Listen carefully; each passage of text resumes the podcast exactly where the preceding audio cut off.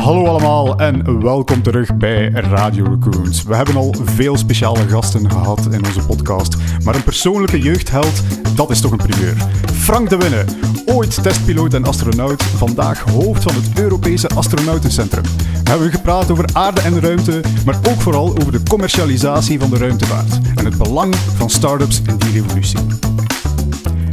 Hallo allemaal en welkom terug bij een extra speciale aflevering van Radio Raccoons. We hebben een zeer speciale gast vandaag en we zijn dan ook heel, heel ver moeten reizen om hem te kunnen bezoeken. Want hier hebben we namelijk bij ons niemand minder dan Frank de Winne, eh, burggraaf, tweede Belg ooit in de ruimte, eerst niet-Amerikaans-Russisch commandant van het ISS, eh, hoofd van het European Astronaut Center, maar misschien nog bovenal Frank, gewoon Frank. gewoon, gewoon Frank, ja, kijk, uh, het, is, het, is, altijd raar om helden te ontmoeten mm. en dan uh, gewoon de voornaam te gebruiken.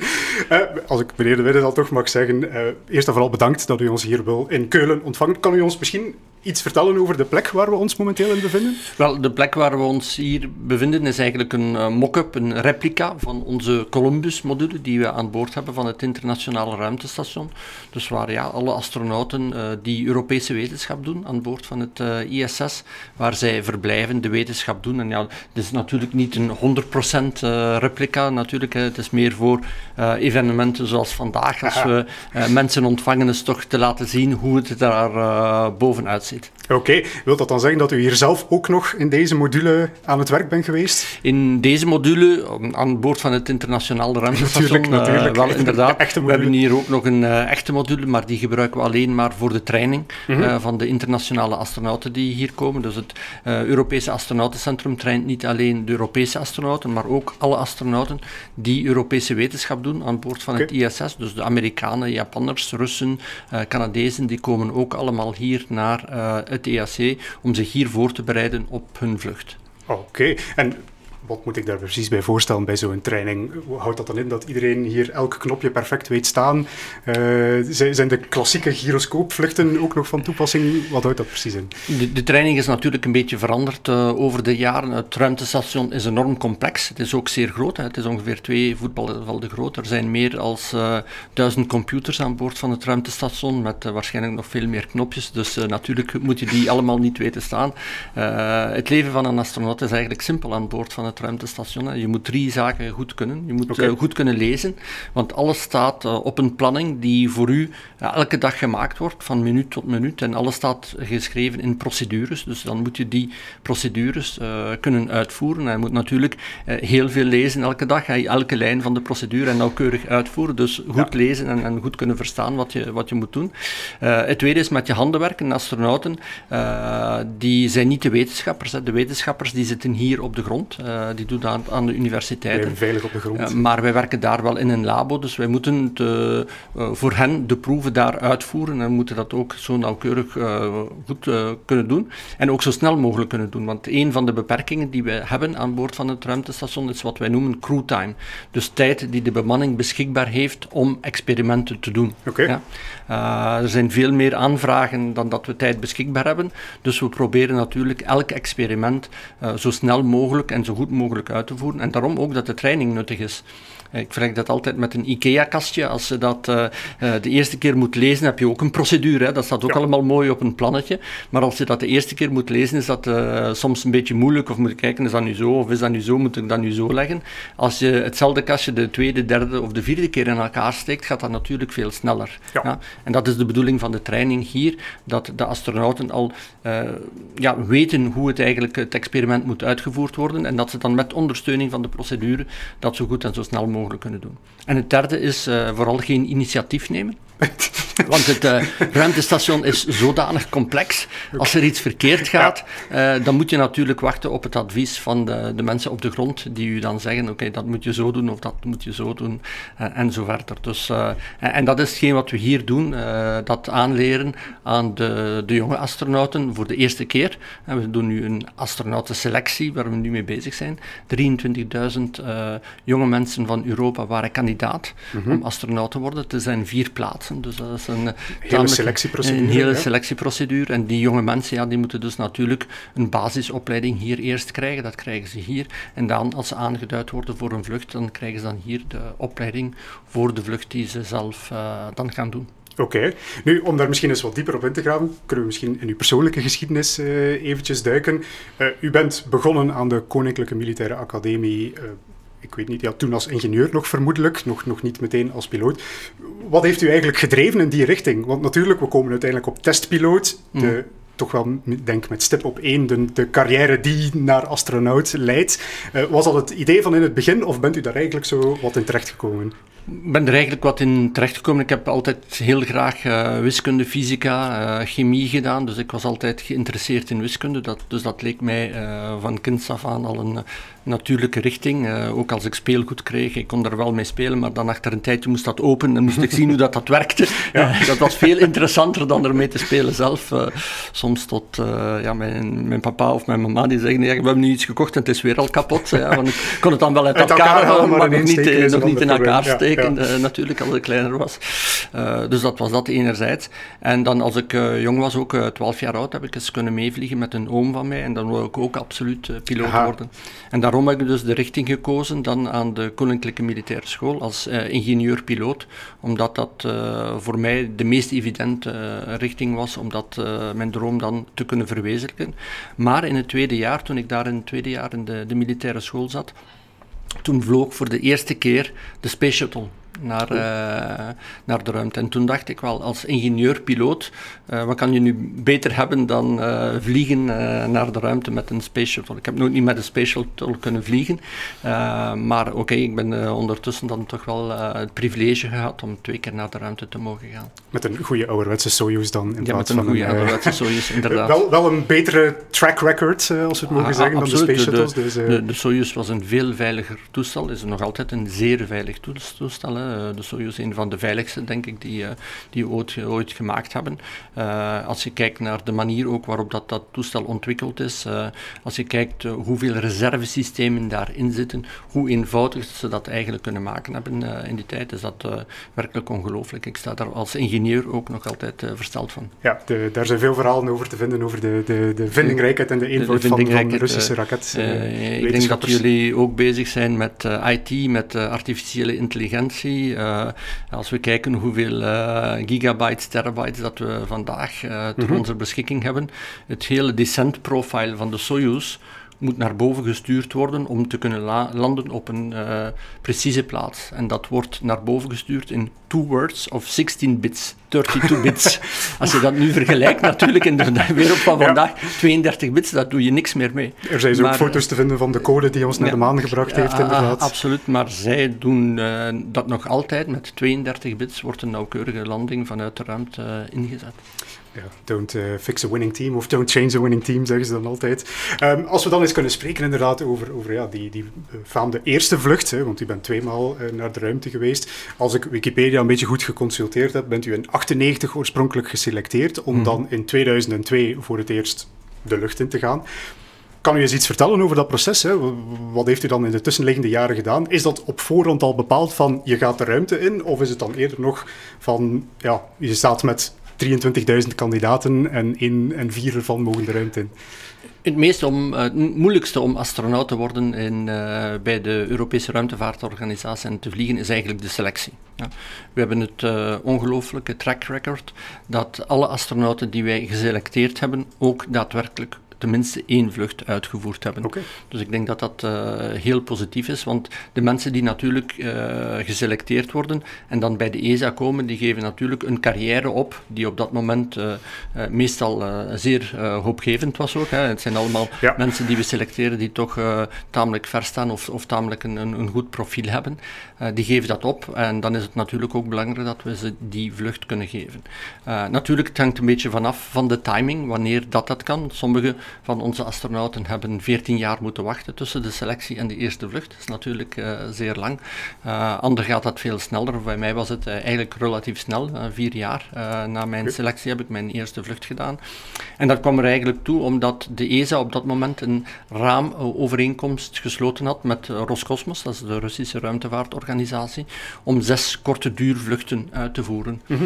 En de lidstaten konden zich inschrijven op die raamovereenkomst om dat dan uh, te financieren. En België heeft dat gedaan. En doordat België dat dan gedaan heeft, heb ik inderdaad mijn eerste vlucht kunnen doen. En dan heeft dat natuurlijk ook de aanzet gegeven naar mijn uh, tweede vlucht, waar ik dan uh, inderdaad het privilege gehad heb om uh, commandant te worden van het ISS. Ik, ik ging inderdaad al zeggen, dat heeft dan aangeleid tot, tot ja, de, toch wel misschien de meest belangrijke vlucht, de meest langdurige vlucht van, van wat was het, enkele dagen naar, naar zes maanden uiteindelijk mm verblijf dan. Kan je eens vertellen, hè, verschillen ervaren zeg maar, van, een, van een kort bezoek naar een langdurig verblijf in de ruimte? Ja, de, de, vlucht is natuurlijk totaal uh, verschillend. Hè. Uh, een korte vlucht kan je misschien vergelijken met een sprint. Ja. Dan uh, ben je heel druk bezig, elke dag. Je, je, slaapt weinig, je bent voortdurend... Je kent je schema van buiten eigenlijk, hè, want je hebt dat dag na dag getraind. Je weet precies welk experiment je gaat doen. de shuttlevluchten waren in de tijd ook zo natuurlijk. Hè. De korte duurvluchten van, de, van het ruimteveer waren op dezelfde manier getraind, waarin dat dus inderdaad inderdaad de astronaut elk knopje weet staan en precies weet uh, welke handelingen hij moet doen. Zijn dus zeer efficiënt, maar dat ritme is natuurlijk geen zes maanden vol te houden.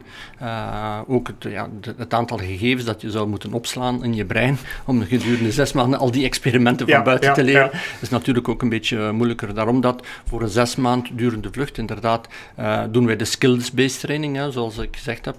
Oké, weten hoe je een procedure moet uitvoeren, toch een, een goed begrip hebben, maar daarvoor niet elk detail uh, moeten kennen. Dat is uh, één. Uh, en dan natuurlijk ook tijdens de vlucht zelf heb je een meer normaal dagritme, zou ik zeggen. Je werkt vijf dagen per week. de zaterdag voormiddag is de poetsdag aan boord van het ruimtestation. Want ja, er moet natuurlijk ook moeten een Er kan geen poetsploeg snel eventjes naar boven gaan. Dus, dat gaat niet. We moeten een, een, zuivere omgeving houden. voor de persoonlijke hygiëne natuurlijk, voor ons, maar ook voor al de experimenten die we uitvoeren. In een labo wil je toch dat proper is en dat, waar je goed kan in werken. Uh, en dan de, de zondag is dan meer een, een dag uh, voor recuperatie. Uh, maar ook de, reeds de zondagavond begin je reeds met de voorbereiding van de plannen van, okay, de, ja. van de volgende week. Dus het is geen volledig geen weekend. weekend. Het is geen echt weekend, maar er wordt toch op een lager niveau gewerkt. Hè. De zaterdagnamiddag meestal doen we dan de taken die tijdens de week die we niet kunnen uitvoeren hebben en die een beetje over tijd gegaan zijn, waar er iets is misgelopen die we kunnen recupereren. Dat proberen we dan in te halen. de zaterdag en namiddag ook.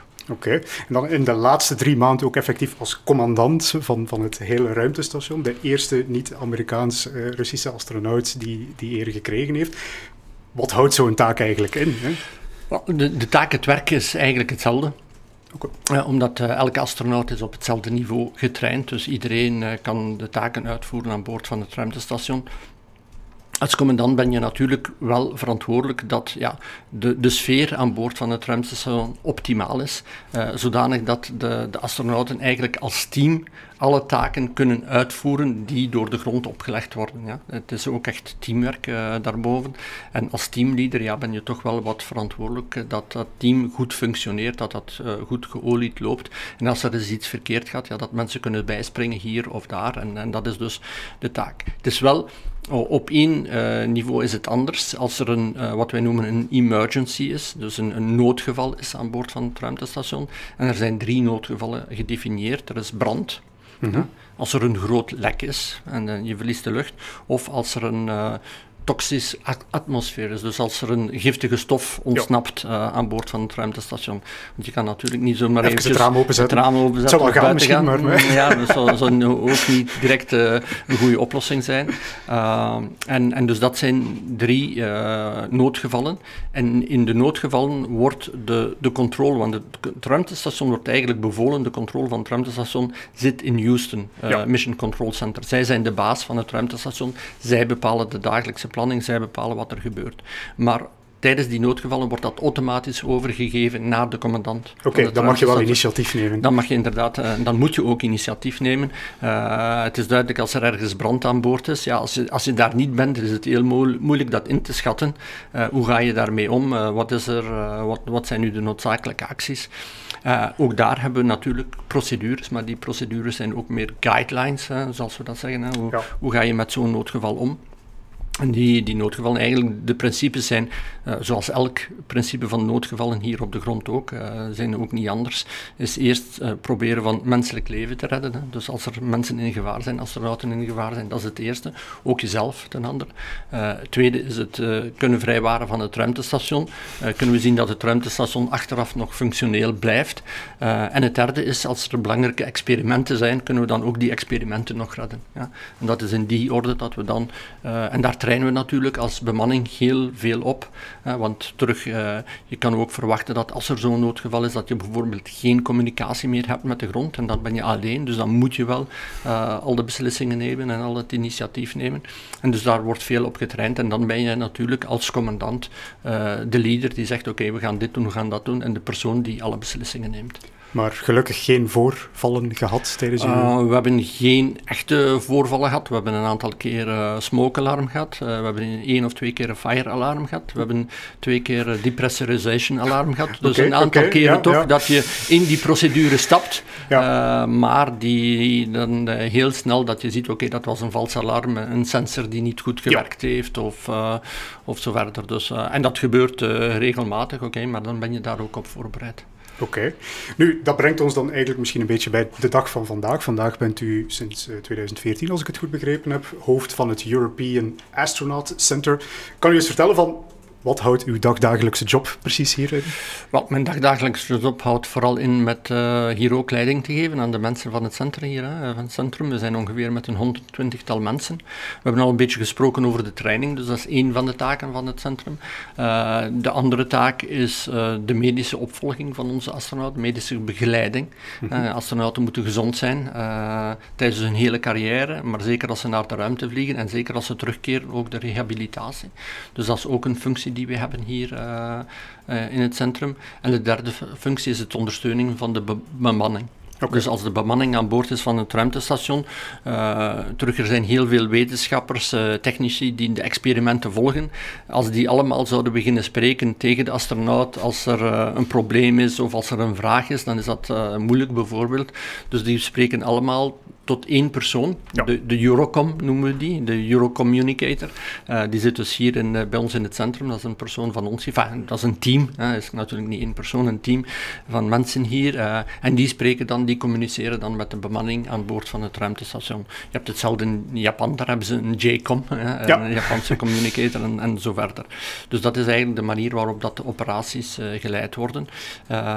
en dus ja, dat is vooral leiding geven aan die mensen en uh, sedert uh, recentelijk ook ben ik dan ook verantwoordelijk geworden voor de, de operaties in het geheel van het ruimtestation. Uh, dus mm -hmm. we mhm. hebben ook nog een centrum in Oberpfaffenhoven en we hebben ook nog een aantal user operating centers, noemen we dat, zoals in de BU's ook. In, in Ukkel hebben wij mm -hmm. ook een klein Belgisch centrum die ja, wetenschappelijke begeleiding doet van de, van de proeven. en dat valt dus allemaal onder mijn verantwoordelijkheid. Maar zoals ik heel dikwijls zeg, mijn dag bestaat er vooral uit uit veel koffie drinken met veel mensen. Zo, zoals dat gaat eens je op een bepaald niveau komt in de, in de rangschikking. Oké, dus het is dus echt wel al meer dan een, dan een trainingscentrum. Het is effectief ja, het astronautencentrum. Zelfs al gaan ze de ruimte in, dan zijn ze eigenlijk nog steeds met jullie verbonden. Uh, absoluut. En we zijn nu natuurlijk ook uh, bezig met uh, ja, de, de, nieuwe activiteiten. Hè.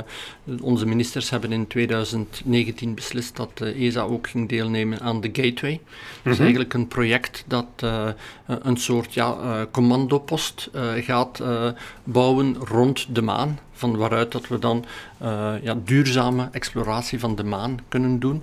Uh, ESA is er ook in betrokken, uh, het centrum hier ook.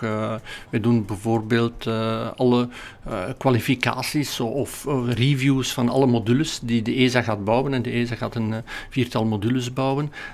daarvoor die bekijken wij hierna bijvoorbeeld met astronauten met een AR-VR systeem dat we hebben. Dus virtual reality, augmented reality. Waarmee dat we dan verbonden zijn met de industrie. Hè, die, die de, de modules ontwikkelen, ontwikkelen, zodanig dat we dus de expertise van astronauten die gevlogen hebben, dat we die ook kunnen overdragen aan de industrie, aan de ingenieurs die die nieuwe systemen ontwikkelen. En, en we gaan natuurlijk een stap verder, dus we gaan ongeveer een drietal astronauten hebben die voor het einde van deze, uh, dit decennium, dus voor 2030, eigenlijk naar de Gateway gaan vliegen. Dus dat zullen de eerste astronauten zijn, die Europese astronauten die beyond low Earth orbit gaan, zoals wij dat dan zeggen. Verder weg van onze aarde, in plaats van 400 kilometer weg, 400.000 kilometer weg. Dus dat is toch wel een, toch wel, uh, een, klein stapje verder. Uh, dus uh, die drie astronauten, ja, die leiden, gaan wij hier ook opleiden en ook begeleiden. Maar we zijn nu met een programma bezig en daar ben ik dus ook als deel van het managementteam van ons directoraat heel druk mee bezig om uh, een programma voor te stellen en te onderhandelen met NASA, zodanig dat wij voor het einde van uh, deze, uh, deze tien jaar, dus voor 2030, een Europese astronaut op, het, uh, op de maan kunnen hebben. Okay. En dat is dus uh, een heel spannende periode nu. We zijn uh, bijna wekelijks aan het onderhandelen met NASA, aan het onderhandelen met de lidstaten, want natuurlijk dat vraagt investeringen ja. in nieuwe, nieuwe systemen. Wij denken daarvoor aan een een uh, logistieke lander uh, die tot anderhalf ton uh, vracht naar het oppervlakte van de maan zou kunnen brengen, okay. die dan door de astronauten kunnen gebruikt worden. en die vracht ja, geven wij dan als barter, zeggen we dat dan, als ruilovereenkomst voor de NASA. Dus dat zijn ja. systemen die hier in Europa gebouwd worden, die, die dan bijdragen aan het Artemis-programma. Uh, en dan hopen wij, enfin, dan hopen wij niet, uh, dan moeten wij natuurlijk goed onderhandelen dat in de return wij dan een, uh, een, reeks astronauten kunnen hebben die naar de maan kunnen vliegen. En wij hopen de eerste daarvan tegen 2030. Het, het klinkt zo heel koloniaal, zo. er komen kolonisten bij, maar ze brengen ook wat, wat materialen en gereedschappen mee om de kolonie te helpen uitbouwen. Heel, Ja, ik heb dat spel ook gespeeld met mijn zoon, dus we spelen dan nog af en toe als we op vakantie zijn, dus voilà, inderdaad. De, de, kijk, het is, het is, eigenlijk al een beetje een, een, een, antwoord op mijn vraag, maar ik wou ook heel algemeen eens gaan stellen van, ja, kijk, als we nu kijken naar de ruimtevaart, misschien de geschiedenis van de ruimtevaart, dan leest dat een beetje als een, als een race natuurlijk, hè, de, de mm. ruimterace tussen de VS, tussen Rusland anderzijds, of de USSR, eh, afhankelijk van hoe ver dat we teruggaan. En, en Europa zit zo ergens een beetje in de marge, zit er overal wel bij betrokken. Hoe, hoe ziet u dat eigenlijk, die, die rol van Europa binnen het, het globale ruimtewezen, zeg maar? Ja, Europa zit inderdaad, uh, als we zo zeggen, een beetje in de marge. Hè. We zijn natuurlijk een, een kleinere speler. Uh, Europa heeft niet zijn eigen toegang tot ruimte voor astronauten. We hebben wel onze eigen lanceerraketten voor onze satellieten, hè, met de Ariane 5, uh, eh, de Ariane 6 die er nu gaat aankomen. Maar als je kijkt, ja, de grote spelers vandaag zijn toch China, uh, Amerika en, en, Rusland, omdat zij hun eigen capaciteit hebben. Als we dan spreken over exploratie van de ruimte. Hè. Ja. Uh, je moet natuurlijk ook kijken naar de budgetten. Sommige mensen zeggen, ja, Europa zit daar toch wat achter. Ja, maar Amerika besteedt wel tien keer zoveel -hmm. budgetten aan bemande ruimtevaart dan dat Europa doet. Dus als je kijkt in, ver, in verhouding doen wij het eigenlijk heel goed. Uh, we zijn nu in het internationaal ruimtestation, zijn we eigenlijk de, de vierde partner. Hè. Je hebt uh, uh, Amerika natuurlijk, dan Rusland, dan Japan en dan Europa. Maar als je kijkt naar de gateway, dan zijn we eigenlijk al de tweede partner. Mm -hmm. En het is dus echt de bedoeling van ook in Europa een aantal stappen, geleidelijk, een aantal stappen vooruit te zetten. En dus ook meer en meer een, een rol op te nemen en ons eigenlijk bij de grote spelers uh, op het gebied van ruimtevaart, exploratie te brengen. Uh, waarom? Wel omdat we ervan overtuigd zijn dat uh, ook bemande ruimtevaart uh, een van de volgende grote economische activiteiten gaat worden. Kijken we maar naar Elon Musk, ja. uh, Jeff Bezos. die mensen steken daar miljarden in. Dat zijn businessmensen. Hè. die doen dat niet omdat het leuk is om het te doen. Ja. omdat ze leuk is om het te doen, kunnen ze misschien een paar miljoenen ergens spenderen. Maar miljarden is omdat ze daarvan overtuigd zijn dat dat rendabel gaat worden, dat daar business is. En eigenlijk is iedereen daarvan overtuigd, ook de NASA. Die ziet dat uh, na het internationale ruimtestation gaan wij geen institutioneel ruimtestation meer hebben, zoals nu, en met modules van de ESA, van de NASA en zo verder. Maar gaan we een aantal commerciële ruimtestations hebben. Die gaan gebruikt worden, nog altijd door de ESA en door de NASA, voor onze wetenschappelijke proeven te doen, voor astronauten te vliegen. Maar die evengoed gaan gebruikt worden door andere uh, commerciële entiteiten, ofwel om research te doen, medische uh, ontwikkeling bijvoorbeeld. Uh, het is toch aangetoond al dat bepaalde kristallen, bepaalde materialen die we kunnen groeien in de ruimte in afwezigheid van zwaartekracht, dat die van een veel hogere kwaliteit zijn oh. dan hier op de aarde. Kunnen we daar ooit een productieproces van maken? Vandaag de dag niet. De kost om naar de ruimte te gaan en terug te keren is veel te hoog. Maar een keer dat die kost naar beneden begint te gaan, begint dat wel een mogelijkheid te worden, bijvoorbeeld. Uh, en dus ja, die, die commerciële spelers die, die kijken daarnaar. Ruimtetoerisme, ja, is al uh, gebeurd al met uh, Elon Musk. Axiom One, de, de bemanning heeft juist gevlogen in april. Dat was de eerste volledige bemanning met, een, met toeristen, ruimtetoerisme, die hm, naar het ja. internationale ruimtestation gevlogen zijn. terug gaat daar een grote markt voor zijn. Vandaag de dag niet. Vandaag de dag de prijs om naar uh, de ruimte te vliegen is rond de 50 miljoen. Er zijn niet zoveel mensen die dat budget uh, beschikbaar hebben. Maar als je dat kunt verlagen met een factor uh, orde van grootte 2 en je komt aan 500.000 euro voor een vlucht, dan denk ik wel dat er veel mensen bereid gaan zijn om, om die trip te maken. Als je nu kijkt naar bepaalde luxe reizen, is dat toch inderdaad, zit dat in hetzelfde segment. Dus ja, uh, is daar iets te bouwen? Is daar een nieuwe economie die gaat groeien? Uh, wij denken dat wel. Uh, Amerika denkt dat. een heel deel andere landen, de UAE bijvoorbeeld, investeert ook enorm veel in, in de ruimtevaart nu, omdat zij ook zien dat ja, olie is niet de toekomst. Ja. ze moeten een andere toekomst bouwen. Uh, en dus wij denken ook in Europa dat, dat dat inderdaad daar gaat zijn. En dan willen wij toch dat de Europese industrie daar ook kan deel van uitmaken en ook een deel van die markt dan kan, uh, kan, kan hebben. En dat is dus ook een van mijn verantwoordelijkheden die ik nu heb, op lange termijn, niet onmiddellijk. Maar dus na 2030, wat gaan we doen? Hoe gaan we eigenlijk hier in Europa, wat wij noemen die LEO-economie, dus de economie van ruimtevaart rond onze aarde, hoe kunnen we die in Europa uitbouwen, zodat dat ook Europese spelers daar een deel van de markt kunnen hebben en dus hier kunnen werken in Europa voor hooggekwalificeerde jobs en dus uh, inderdaad return of investment brengen hier in, in Europa. Oké, misschien nog eventjes voor de mensen die, die niet de ruimte gewend zijn. LEO, Low Earth Orbit, oftewel uh, de lage baan rond de aarde, waar we bijvoorbeeld het ISS ook kunnen, uh, kunnen vinden. Uh, Oké, ik, um, ja, ik ging dus inderdaad ook vragen naar, naar natuurlijk hè, de meest recente ontwikkeling, een beetje de shift van, van het strategisch belang van de ruimte naar het commercieel belang van de ruimte. Ik vond dat u inderdaad al een heel interessant voorbeeld gaf, want als ik denk aan die commerciële belangen, dan denk ik, dacht ik, dus enerzijds aan, aan niche-zaken zoals ruimte ruimtetoerisme leuk, maar mhm. waarschijnlijk niet voor de gewone man of niet waar we de miljarden uit gaan halen of zo. Um, of, of dan sci-fi zaken zoals we gaan asteroïden gaan, gaan mijnen en die terugbrengen naar de aarde. Dat is dan mhm. heel ver afgelegen. Maar u heeft het dan bijvoorbeeld ook over het maken van kristal, dus het starten van een soort industrie. het eh, starten van een industrie. Er zijn een, een heel deel uh, firma's in, uh, in Amerika die daarvan overtuigd zijn dat dat inderdaad de toekomst is. Terug niet, niet binnen vijf jaar, maar binnen 10, 15, 20 20 jaar als de kost van uh, het vliegen naar en van de ruimte uh, uh, gevoelig gaat verlagen. En dat is ook hetgeen, het businessplan dat Elon Musk heeft. Als je mensen familiair zijn met zijn Starship, als ze dat kennen, dat is een enorme grote raket, nog groter dan de Saturn V die, die mensen naar de ruimte ge gebracht hebben. die kan 100 ton naar de ruimte brengen in één keer, zou volledig herbruikbaar moeten zijn, zou één keer per week of in de toekomst zelfs elke dag moeten kunnen vliegen.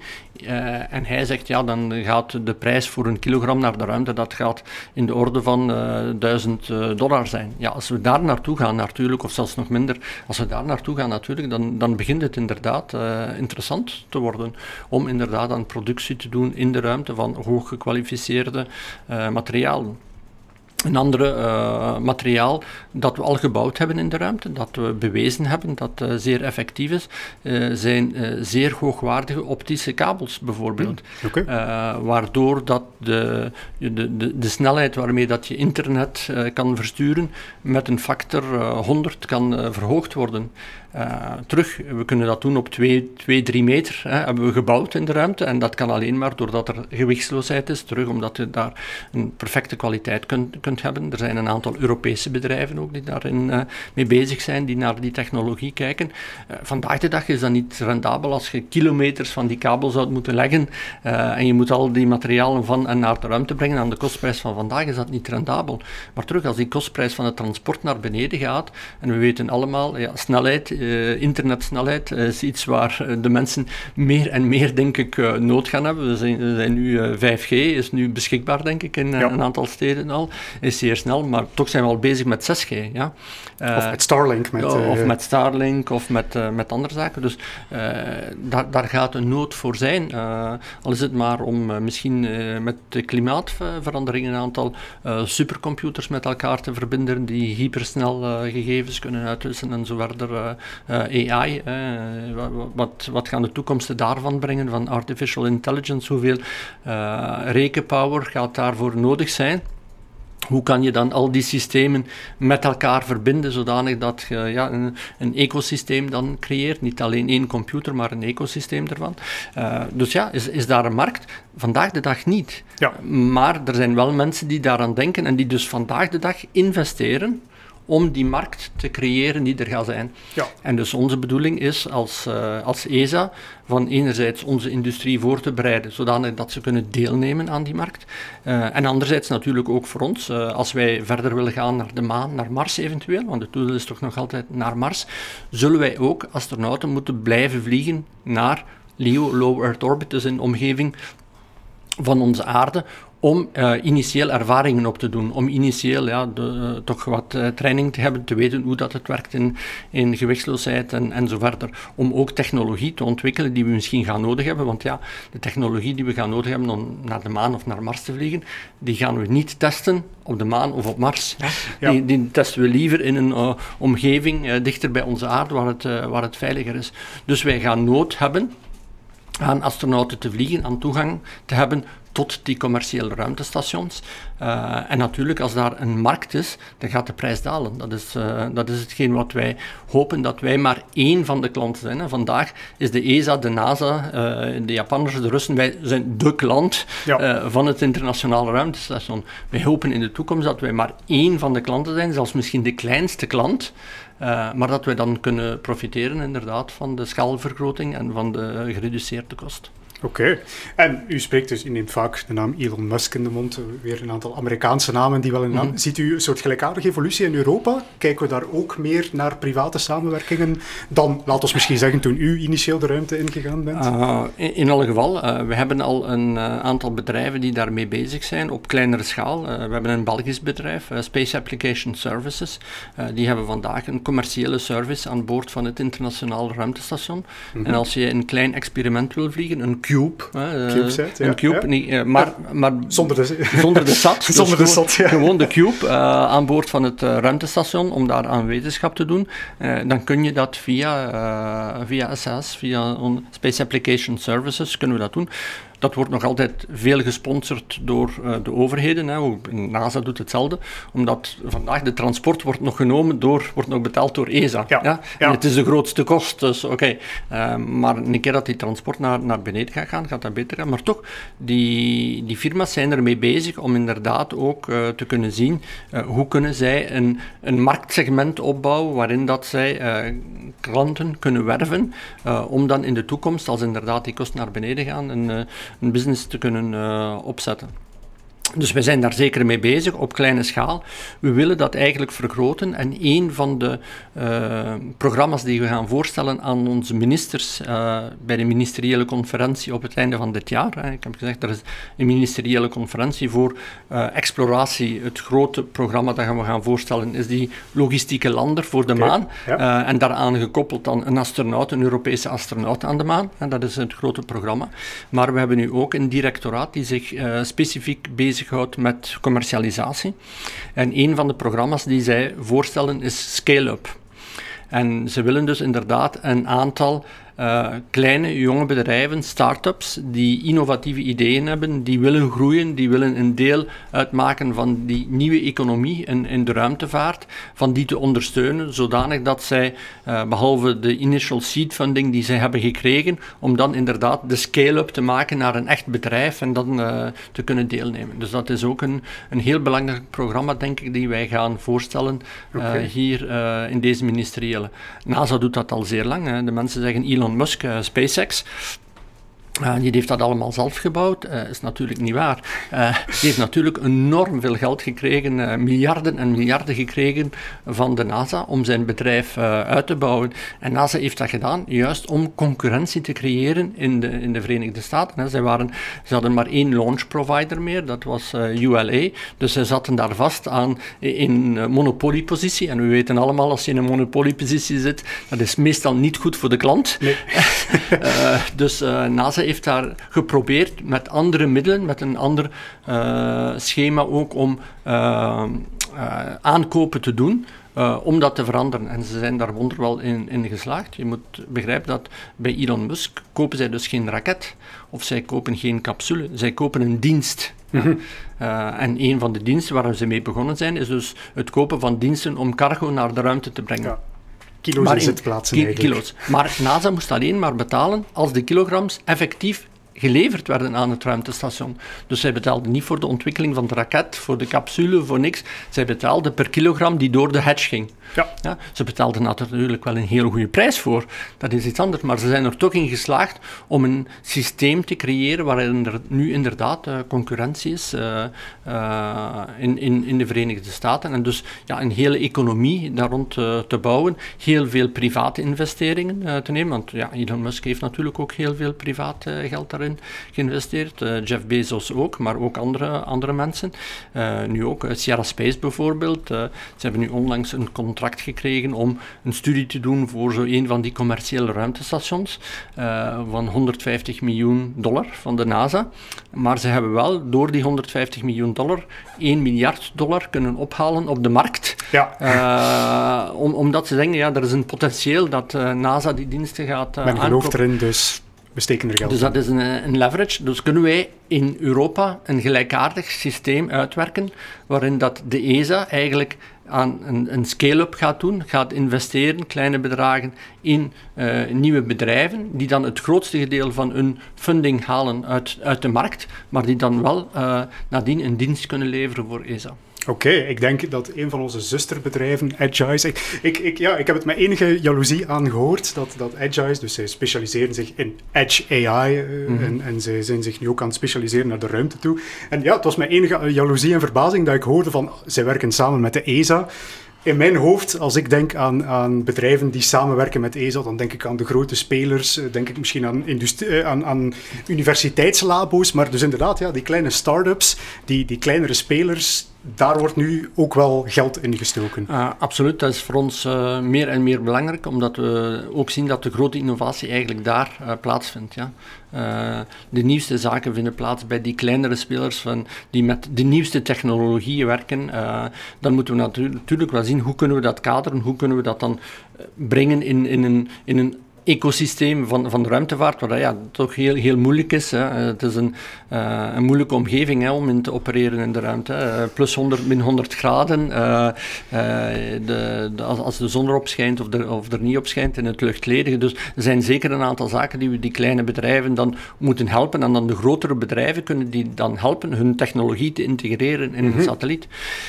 maar als we nu kijken naar alle sensoren bijvoorbeeld die we hebben op aardobservatie, de sensoren, ja, die gaan uh, een, een ongelooflijke hoeveelheid aan gegevens uh, verzamelen. En we kunnen die dus allemaal niet meer, zoals vroeger, naar de aarde sturen en dan hier op de aarde analyseren. Dus een van de zaken waar we naar kijken is, kan je inderdaad die computers hebben, de edge computers, de AI, kan je die aan boord hebben van de satelliet, zodanig dat je maar een fractie van de gegevens meer naar boord. Uh, naar, uh, we hebben ook zo'n experiment aan boord van het uh, internationale ruimtestation, waar we in 3D microscopische beelden gaan maken van, van nieuwe structuren. als we kijken ook, daar worden terabytes aan gegevens gegenereerd per experiment run. Wij kunnen die gewoon niet naar beneden krijgen. Wij hebben niet de datacapaciteit om die naar beneden te linken. Dus ook daar, hier in het ruimtestation, zijn wij ook bezig met een project. We noemen dat CDMI, eh, Columbus Data Management Infrastructure, de NEW. Ja, waarin dat we dus ook gaan proberen van computing data reduction on-board van het, van Columbus te doen. zodanig dat we eigenlijk alleen maar de nuttige gegevens naar beneden moeten sturen en niet alle gegevens en da daardoor eigenlijk meer veel efficiënter efficiënter kunnen zijn. En dat doen we dus ook allemaal met nieuwe kleine bedrijven, omdat die eigenlijk meer vergevorderd zijn in die nieuwe technologieën dan de klassieke ruimtevaartbedrijven. En zij kunnen dan gebruik maken van de kennis van die klassieke bedrijven om dan eigenlijk het omkaderende te Om het omkaderen te doen en dat dan te integreren natuurlijk in de Columbus-module, want uiteindelijk moet het nog geïntegreerd worden in deze module hier. En dus inderdaad uh, gaan we moeten dan, uh, de integratie zal gebeuren door uh, Airbus Defence and Space, dat de Columbus-module gebouwd heeft, maar de technologie zelf zal door kleine bedrijven gemaakt worden. Oké, zeer mooi.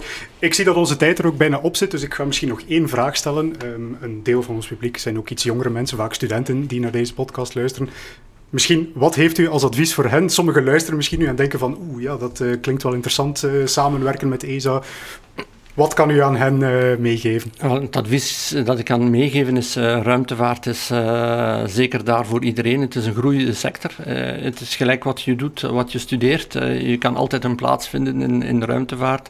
Zij het als advocaat. we hebben space law, is een, gaat alleen maar belangrijker ja, worden. Ja, met al de, al de nieuwe technologieën en hoe ga je daar allemaal mee om?